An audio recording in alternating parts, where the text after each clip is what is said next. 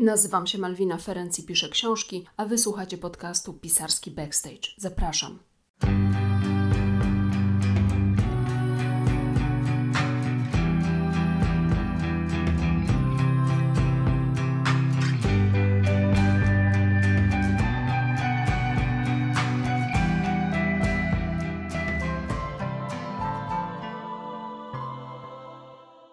Dzień dobry, dzień dobry, dzień dobry. Nazywam się Malwina Ferenc. Mówię o sobie, że jestem rzemieślnikiem słowa. Albowiem gdyż piszę książki, 10 napisałam, 11 powstaje i trzymajcie kciuki, bo zbliżam się do kulminacyjnego momentu, który będzie osta oznaczał ostatni wiraż przed metą. W tym podcaście mówię o szeroko pojętym zapleczu pisania książek. Zerkam od strony zarówno pisarza, jak i czytelnika na to pisanie. Mówię o tym w ogóle, jak wygląda od kuchni, bycie twórczynią, bycie pisarką oraz o tym, co na rynku wydawniczym piszczy. I dzielę się też odczuciami po ostatnio przeczytanych książkach, zarówno tymi odczuciami pozytywnymi, jak i negatywnymi, czego mogliście doświadczyć w poprzednim odcinku. A dzisiejszy odcinek będzie szczególny, bo skupię się tylko na tym ostatnim, czyli na książce, którą ostatnio, pardon my French, zaliczyłam. Dlaczego tak? Otóż wyobraźcie sobie, że rozpisałam na Instagramie sondę i zapytałam się w niej, jak wolicie, żeby było. Czy mam zostawiać w odcinkach merytorycznych tak zwane mięso, bez żadnych dodatków, tylko czyste creme de la creme, a te y, opinie, recenzje, czy jakie tam zwał, wrzucać y, kiedy indziej, czy też zostawić tak jak było, czyli zawierać w jednym odcinku zarówno moje wrażenia po lekturze, jak i tą część merytoryczną. I co? Y, no i wyszło tak, że 30% z Was określiło, że mam osobno robić te dwie rzeczy. 70% stwierdziło, że nie, rób tak jak jest, nic nie zmieniaj, nie mieszaj. No a ja mimo wszystko zaczęłam mieszać. Dlaczego? No dlatego, że odcinki merytoryczne wpadają teraz co dwa tygodnie, póki nie, nie ukończę tej jedenastej książki, a z przyczyn takich bardzo osobistych, o których nie chciałabym mówić, to i tak jest ostatnio trudne, bo pojawiały się co tydzień, teraz co dwa tygodnie i nawet ten termin dwutygodniowy jest dla mnie ostatnio trudny do dotrzymania. No a ja nie chcę zostawiać Was w nienasyceniu. I odcinki będą więc wpadać częściej, a opinie o książkach również, jak dotąd, będą pojawiać się wraz z tym głównym tematem merytorycznym, czyli tym mięsem. Czyli jest tak, powiedzmy, i wilk syty, i owca cała. Bywa też, że tych wrażeń czytelniczych wśród mięsa nie ma, bo na przykład rozmawiam z kimś, a taka rozmowa najczęściej trwa około godziny. Sam podcast jest długi już jako taki. No i gdyby dodatkowo dodać tam przemyślenia książkowe, no to już naprawdę dla niektórych mogłoby być y, zbyt długo. A książek y, czytam sporo, czy też raczej słucham, powinnam powiedzieć, bo z przyczyn braku czasu poznaję je w formie audiobooków i te audiobooki odsłuchuję na przykład w drodze do pracy, czy podczas, no nie wiem, jakichś czynności domowych Y, wiecie, czy też podczas spaceru z psem i tak dalej. Czyli wpycham książki gdzie mogę, stąd audiobooki. No i jest ich tyle, że szkoda by było, żeby to umykało, a wieloma naprawdę chciałabym się z Wami podzielić. Y, myślę, że to by było, y, no myślę, że są tego warte po prostu. No i teraz dzieląc te odcinki będę mogła również tak porozkminiać te książki, które zrobiły na mnie szczególne wrażenie i dla których 3 minuty gadania to stanowczo za mało. Powiedzmy, że działaby im się y, swego rodzaju krzywda. No i dzisiaj właśnie o takiej książce. Teraz tak, jeszcze taka mm, ostatnia uwaga na koniec, no bo już tak gadam dosyć długo tytułem wstępu. Jak zwykle nagrywa ze mną moja piesa. Gdybyście usłyszeli warczenie, szczekanie, jakieś odgłosy dziwne, które, i których ja nie wydaję, a przynajmniej wydaje Wam się, że ja ich nie wydaję, to wiedzcie, że to jest pies. Pies jest istotą niewyrzucalną, wypchnięty drzwiami wraca oknem. Po prostu trzeba z nim nagrywać i koniec.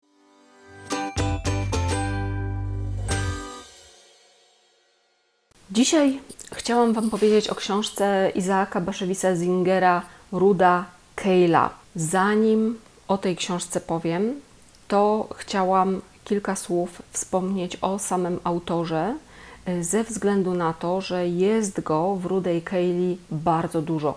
Y, szczególnie wyrywna, jeśli chodzi o kwerendę, nie byłam, bo zatrzymałam się po prostu na Wikipedii, ale w zupełności mi wystarczyło to, żeby zbudować sobie pewien taki obraz i żeby określone stwierdzenia, jakie padają w książce, czy pewne tematy, które są poruszane, wydały mi się dużo bardziej zrozumiałe i logiczne. E, sam Izaak Baszewicz Zinger jest polskim Żydem, to znaczy mm, zmarł jako Amerykanin i zmarł w Stanach Zjednoczonych w 1991 roku ale z pochodzenia jest y, polskim Żydem, piszącym, co jest bardzo ważne, w jidysz. Izaak Baszewicz-Zinger urodził się w Leoncinie, najprawdopodobniej w 1902 roku, czyli jeszcze jak Polska była pod y, zaborami i to ma bardzo istotne znaczenie. Urodził się w, w, rodzinie żydowskiej, gdzie ojciec był hasyckim rabinem, ale e, uwaga, sprawował ten urząd e, rabina miejscowej gminy żydowskiej nieoficjalnie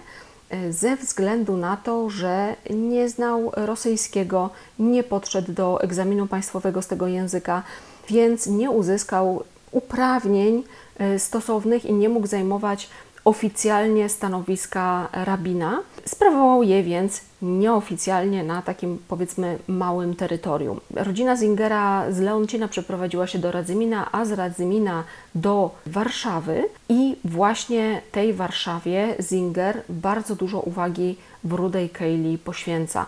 E, oni sami zamieszkali przy ulicy Krochmalnej i ta ulica też w książce się pojawia. Pojawia się w książce również właśnie taka instytucja nieoficjalnego rabina świadczącego usługi na rzecz tamtejszej gminy żydowskiej. Dlatego to jest bardzo e, istotne i te klimaty właśnie takiej żydowskiej społeczności warszawskiej są bardzo mocno obecne w Rudej Kejli.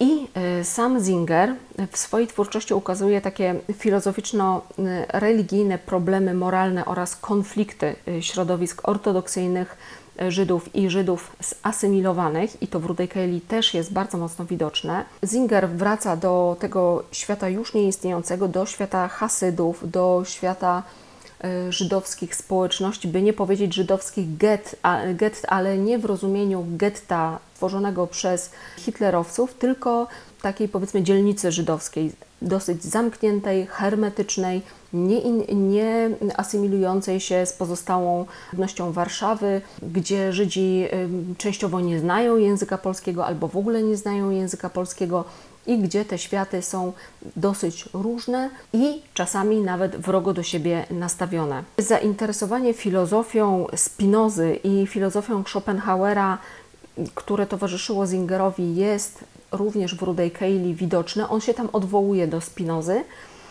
więc miejcie to na uwagę, jeżeli przyjdzie Wam tę książkę poznawać. No i dlaczego właśnie ja Wam o tym mówię? No bo dużo więcej zrozumiałam z Rudej Kejli, kiedy zobaczyłam, jak zaskakująco dużo jest autora w tej książce. No dobrze, no to w takim razie przejdźmy do konkretów. Akcja książki rozgrywa się w Warszawie jeszcze pod zaborami. Nie jest dokładnie określone, kiedy y, się rozgrywa między 1905 a 1914, początek XX wieku. Polska jest wtedy jeszcze pod zaborami, a Warszawa znajduje się w zaborze rosyjskim. I teraz sama Ruda Kejla to była prostytutka, która, uwaga, uwaga, z miłości wyszła za człowieka imieniem Jarmę. Jarmę to były przedstawiciel warszawskiego półświadka, który zresztą natknął się na Kejlę nigdzie indziej, a w burdelu i z tego burdela ją wyciągnął.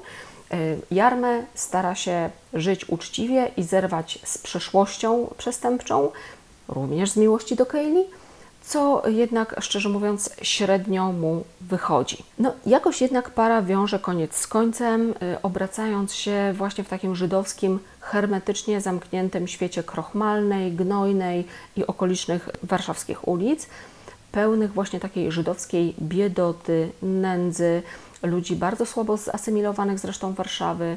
To, że oni jakoś wiążą ten koniec z końcem, to nie znaczy, że jest różowo. No, różowo nie jest, zwłaszcza dla Kaylee, traktowanej bardzo instrumentalnie przez samego Jarmego, jak i przez innych przedstawicieli półświadka, którzy jakoś nie potrafią oddzielić Kaylee od jej przeszłości. Dla nich zawsze to jest, o, to jest ta ruda Kayla, która wystawała tutaj i tutaj, zaliczyła takie, takie i takie e, burdele. Sprowadza się to również do tego, że mm, przebywający mm, w szpitalu e, jeden z przedstawicieli półświadka, kiedy Kayla przychodzi go odwiedzić, jako że tradycja nakazuje odwiedzanie chorych, po prostu dokonuje na niej gwałtu, co jakby poświadcza to, że Kayla właśnie w taki instrumentalny sposób nadal jest traktowana. I z tym całym brudnym i budzącym obrzydzenie i brzydko woniejącym światem żydowskiej warszawskiej biedoty i nędzarzy kontrastuje uroda Kaylee. Kayla opisywana jest jako przepiękna kobieta, wręcz zjawiskowa, i w parze z jej urodą idzie jej religijność. Pomimo swojej przeszłości i pomimo całej obecnej sytuacji, Ruda Kejla jest głęboko wierząca, y, zachowuje tradycje, świętuje ją Kipur i Paschę, z czego mężczyźni, to charakterystyczne, że mężczyźni, wchodzący z nią w relacje, naśmiewają się, a kobiety nie dowierzają, że Kejla może być wierząca i traktują ją y, z dużym dystansem, by nie powiedzieć z pogardą. Kejla namawia Jarmego na wyjazd do Ameryki. To jest takie powiedzmy idea fix. I pamiętajmy, że jest to okres bardzo intensywnej migracji na tamten kontynent. Po prostu na początku wieku mnóstwo, mnóstwo ludzi z całej Europy zmierzało do Ameryki w poszukiwaniu lepszego życia.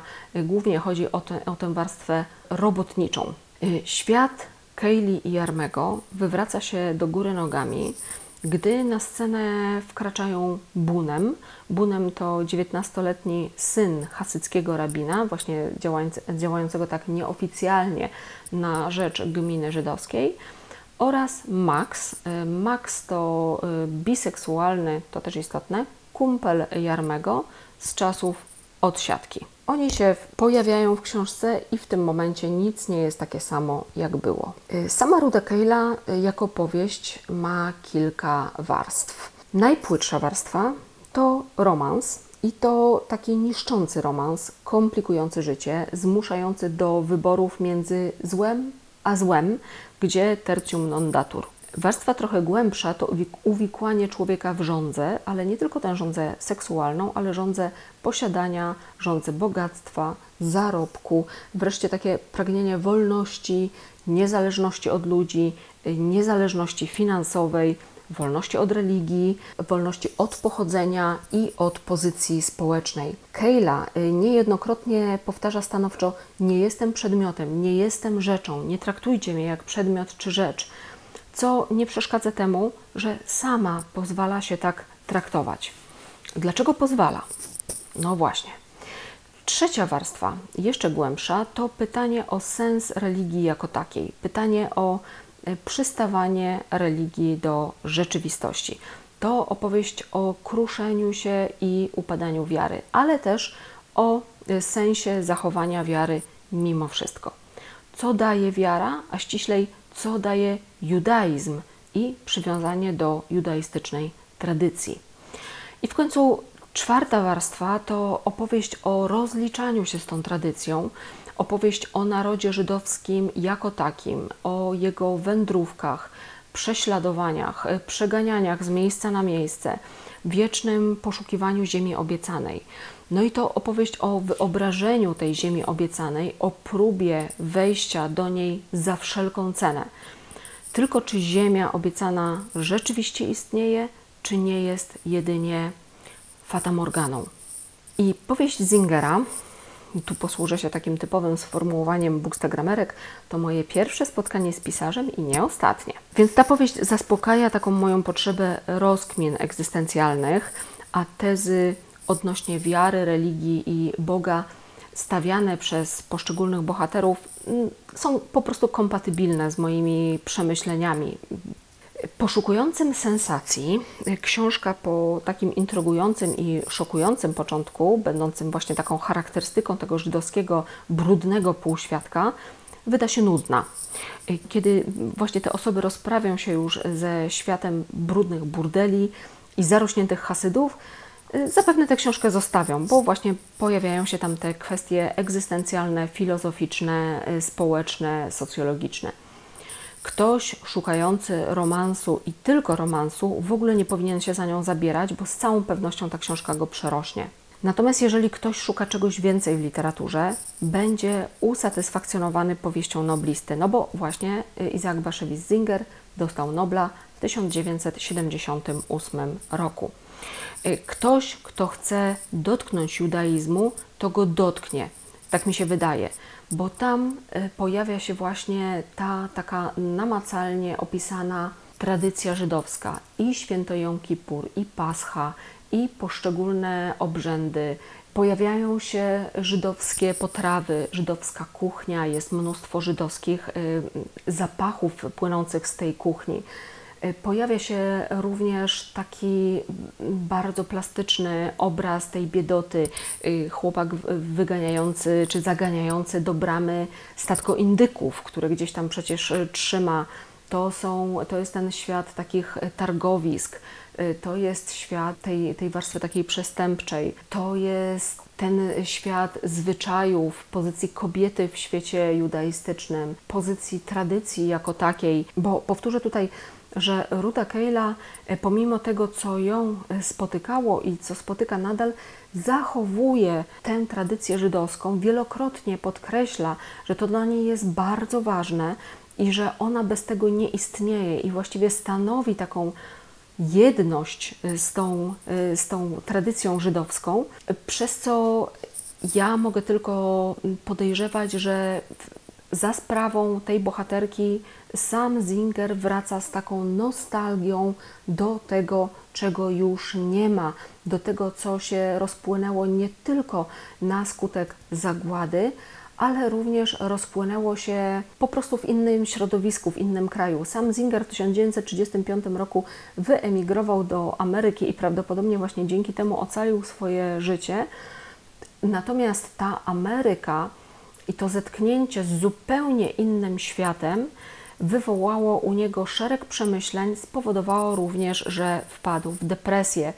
Bardzo, bardzo odzwierciedlone mocno jest to właśnie w Rudej Kaylee, to zetknięcie z Żydami żyjącymi gdzie indziej, z zachowaniem tradycji, bądź też nie gdzie indziej, z, problem, z problemem asymilacji, a zachowaniem tożsamości, z, problem, z problemem kultywowania tradycji, a pójściem z duchem czasu, bardzo, bardzo jest to mocno widoczne. Jeżeli ktoś szuka tego, jeżeli ktoś chciałby dotknąć właśnie tego żydowskiego świata, którego już nie ma, to ta książka jest dla niego. Mnie dało to mnóstwo satysfakcji, mnóstwo takiego smaku, pomimo tego, że bardzo często był to smak po prostu gorzki, a zapach był brzydki.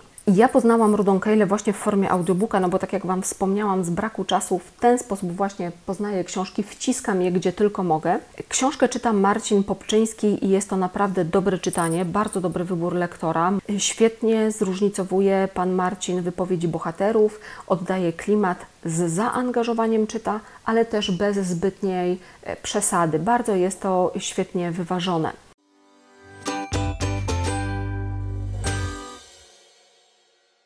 No dobrze, i tyle na dziś. Kolejny odcinek podcastu Pisarski Backstage jest w, przygotowaniu. E, jeżeli podoba Wam się ten podcast, to zachęcam do tego, żebyście go zaobserwowali. Żadne odcinki Wam nie umkną, dostaniecie powiadomienie. E, polubcie ten podcast, ocencie go, są rozmaite gwiazdki, czy nie gwiazdki, czy jakieś inne e, odznaki, które można kliknąć na różnych platformach streamingowych. Bardzo Was proszę o to, żeby mm, taką gwiazdkę kliknąć. To jest rodzaj wdzięcznika dla mnie za tę moją pracę. Opowiedzcie innym o tym podcaście, podzielcie się w mediach społecznościowych mm, tymi odcinkami. Będzie mi bardzo miło, jeżeli treści, które tworzę, dotrą również do innych osób. Nie ukrywam, że bardzo mi na tym zależy. No i w końcu czytajcie moje książki. Ja również robię to po to, żeby Wam dać się poznać jako autorka, a wiem, że są osoby i bardzo Wam za to dziękuję. Są osoby, które właśnie za sprawą tego podcastu zetknęły się z moimi książkami i uwaga, uwaga, są zadowolone. Dajcie więc znać, jak Wam się ten odcinek podoba. I cóż, bądźcie ze mną dalej. Bardzo serdecznie Was pozdrawiam. Trzymajcie się ciepło. Pa!